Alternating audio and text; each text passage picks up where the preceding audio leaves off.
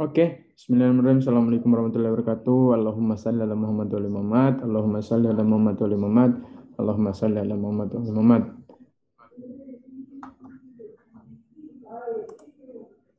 Malam hari ini kita akan mendiskusikan atau uh, membahas tema tentang uh, kematian.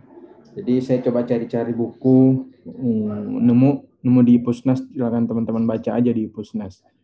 Uh, bukunya itu judulnya Psikologi Kematian, uh, yang ditulis oleh Komardin Hidayat.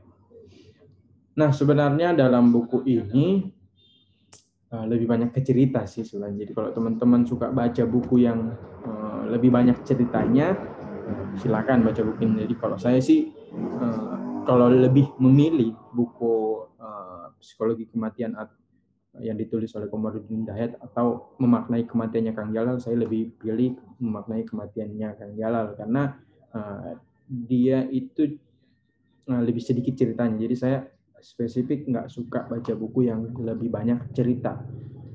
Karena apa ya hmm, biasa bosan.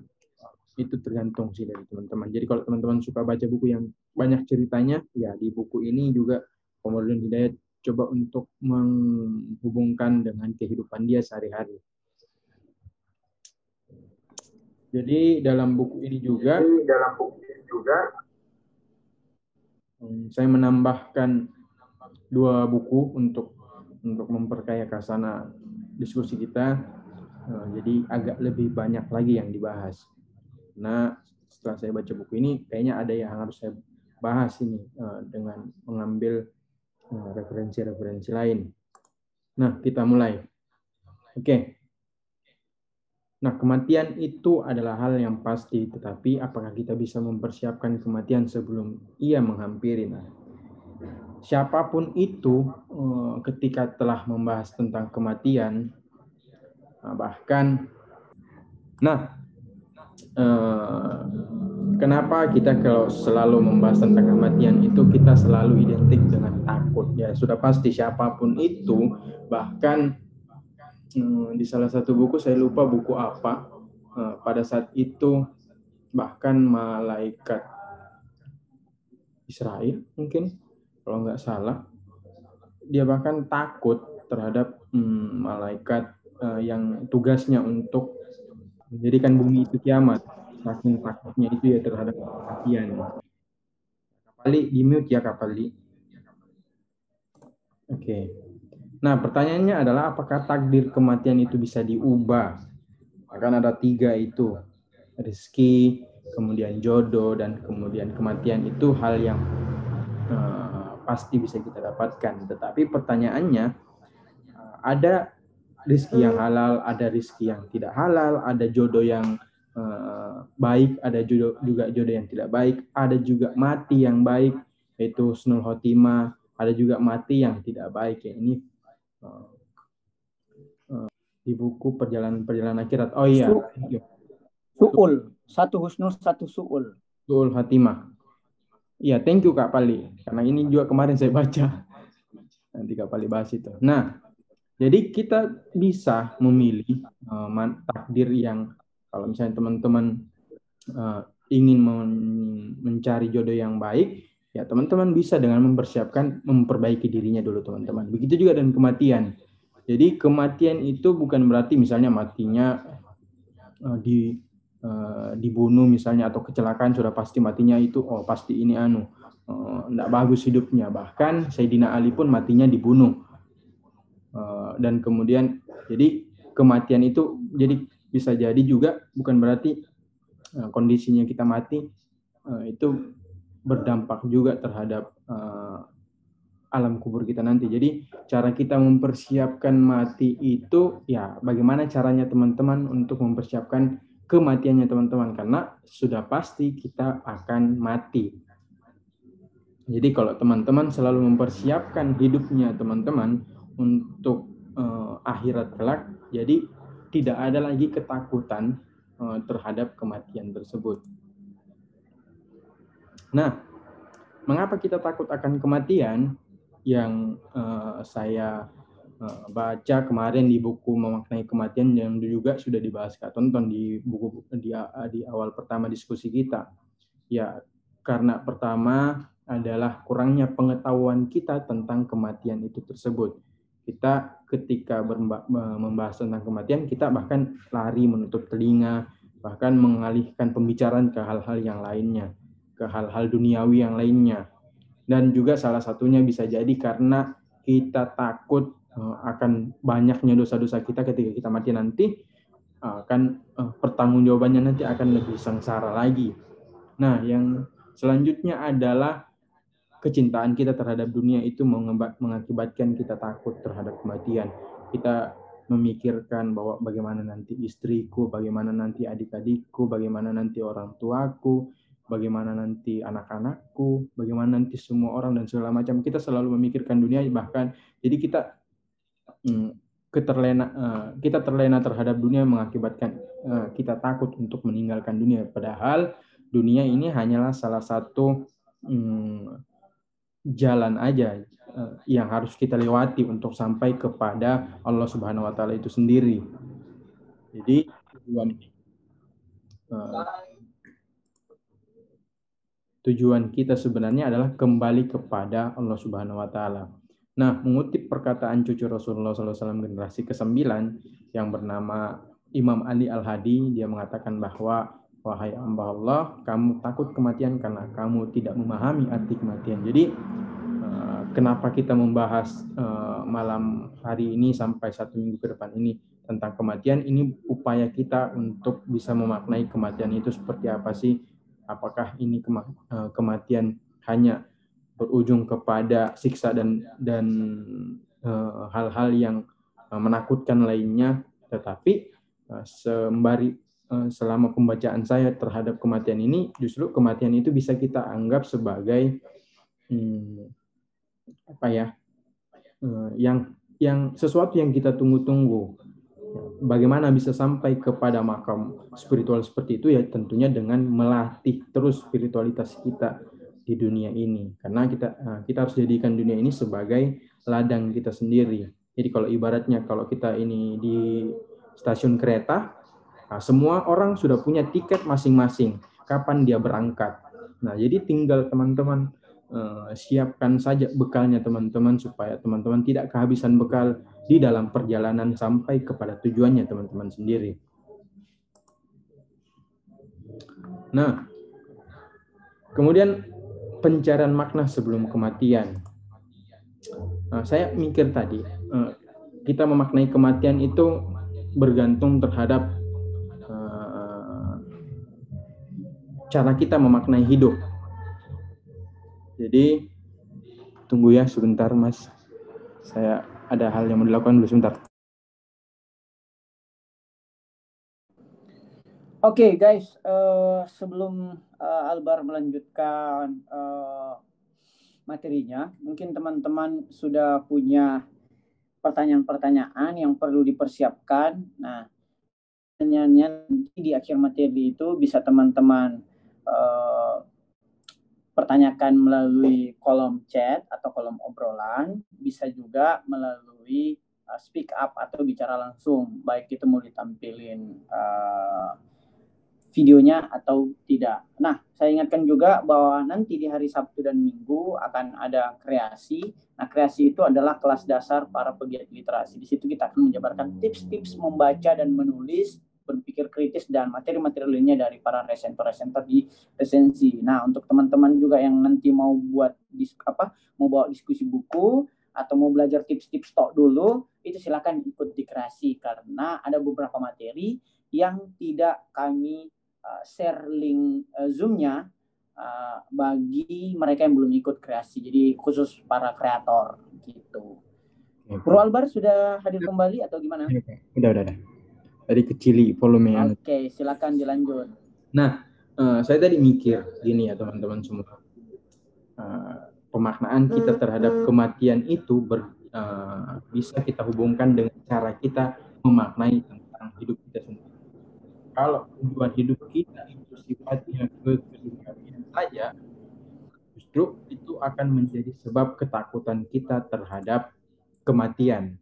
Jadi makanya di resensi itu uh, diajarkan juga pentingnya untuk menerap uh, membuat tujuan hidup supaya uh, apa yang teman-teman lakukan di dunia ini itu ter uh, apa ya tersistematis tujuannya.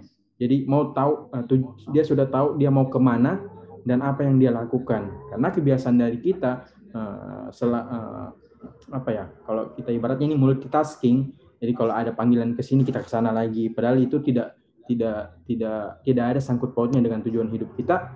Ya kita ikut aja lagi. Itulah uh, gunanya untuk menentukan tujuan hidup supaya kita tidak terombang-ambing dalam hidup.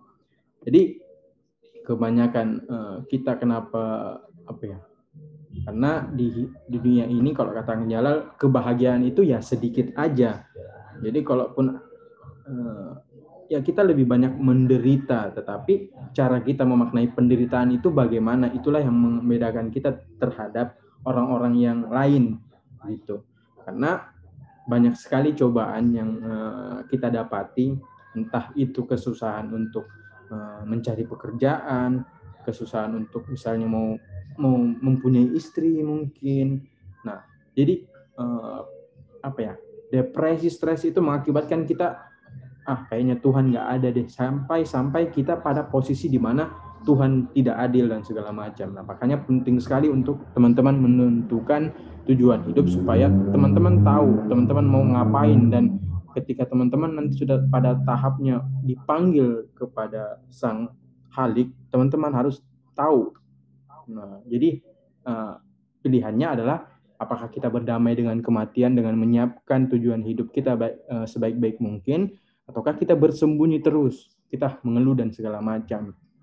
Bahkan kemarin juga kita sudah bahas eh, hal-hal yang membuat kita selamat uh, di dunia ini uh, adalah misalnya kita meninggalkan legasi, legacy atau uh, was warisan, warisan yang mana itu sangat bermanfaat untuk orang yang sudah kita tinggalkan yang sifatnya itu terus berlanjut. Jadi amal jariahnya itu bertambah terus. Misalnya kalau teman-teman uh, menanam pohon, kemudian uh, teman-teman membuat sumur yang mana sumur itu bermanfaat untuk orang banyak, itu uh, jadi pemaknaan hidup kita itu harus kita tentukan dengan kita menentukan tujuan hidup dulu. Nah dari situlah kita tidak akan risau terhadap kematian karena kita sudah menyiapkan Eh, bahwa misalnya tujuan hidupku adalah eh, kita misalnya secara umum aja tujuan hidupku adalah untuk bermanfaat bagi orang lain. Nah, bermanfaat bagi orang lain itu yang bagaimana? Nah, teman-teman bisa susun sendiri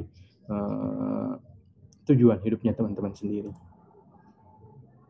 Nah, kemudian di dalam saya tambahkan juga di dalam buku pemakna memaknai kematian itu, jadi di dunia ini kita ada tiga tahap dalam kehidupan kita ini kita Eh, punya tiga tahap penyucian. Yang pertama adalah di dunia.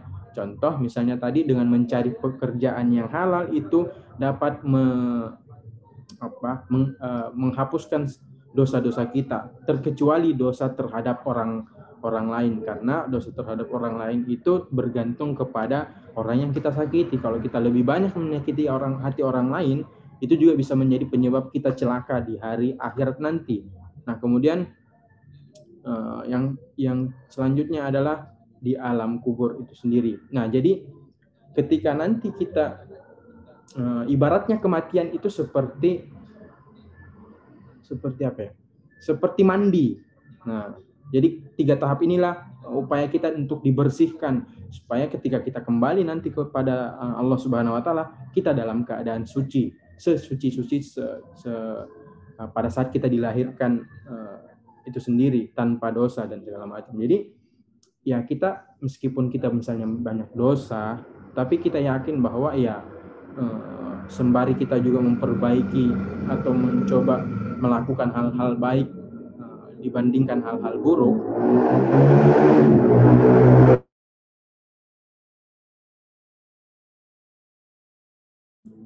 Eh, lebih banyak kita melakukan hal-hal baik atau uh, de dengan menyampingkan hal-hal buruk itu juga bisa uh, menjadi penyucian terhadap dosa-dosa kita. Jadi tiga hal ini adalah ya kita maknai aja misalnya siksa kubur itu ya sebagai penyucian kita sendiri karena kita kitalah yang menyebabkan kenapa tersiksanya diri kita. Jadi tergantung dari teman-teman sendiri. Kalau teman-teman selalu melakukan hal-hal yang negatif, ya justru akan ada im, balasannya.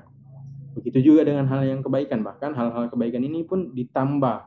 Jadi tidak ada salahnya kita melakukan hal-hal baik, kemudian sembari mencegah diri kita dari perbuatan dosa. Nah, kemudian di buku Roto Allah, saya coba tambahkan bahwa ada tiga penghalang yang menyebabkan kita belum sampai, bukan tiga penghalang, empat, sorry, uh, uh, yang yang menyebabkan kita terhalang untuk sampai kepada Allah Subhanahu Wa Taala. Jadi uh, takabur, ria, ujub dan gibah ini. Jadi takabur itu ya kita merasa hmm, apa namanya?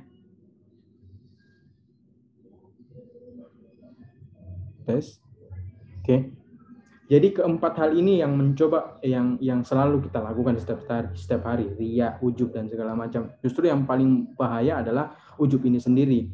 Uh, ujub itu uh, ada dua ya teman-teman kalau di bukunya Rotu Allah ada ujub karena uh, apa pendidikannya dia ujub uh, dia memperlihat ujub ini ibaratnya seperti dia merasa bahwa dialah yang lebih baik daripada orang lain. Contoh misalnya, nah, saya lebih baik daripada eh, orang-orang yang tidak membaca karena dia tidak membaca. Nah, itu salah satu ujub. Hanya eh, hanya dia yang menilai dirinya lebih baik. Bahkan sampai berujung-ujung kepada fikih saya lebih baik daripada fikih yang lain. Itu penghalang kita terhadap jalan kita menuju Tuhan sendiri. Dan gibah ini gibah ini banyak sekali di mengobati penyakit lisan itu uh, uh, penyakit-penyakit lisan itu salah satunya adalah gibah. Jadi gibah itu banyak. Misalnya kalau yang termasuk gibah itu adalah ketika kita menceritakan misalnya aib orang lain yang ketika dia mendengar uh, dirinya dibicarakan dan dia marah itu terhitung dosa. Jadi kalau selama yang dibicarakan itu fine-fine aja nggak apa-apa. Tapi kalau gibah ini berujung kepada uh, yang uh, yang hal-hal yang dibicarakan itu tidak uh, ketika orang lain mendengar dia tidak senang uh, lebih baik jangan dilakukan. Nah, saya kira thank you untuk teman-teman semua. Uh, itu tadi uh, pemaparan terhadap buku psikologi kematian ini yang coba saya uh, padukan terhadap buku-buku yang lain. Sorry kalau ada salah-salah kata. Saya akhiri. Assalamualaikum warahmatullahi wabarakatuh.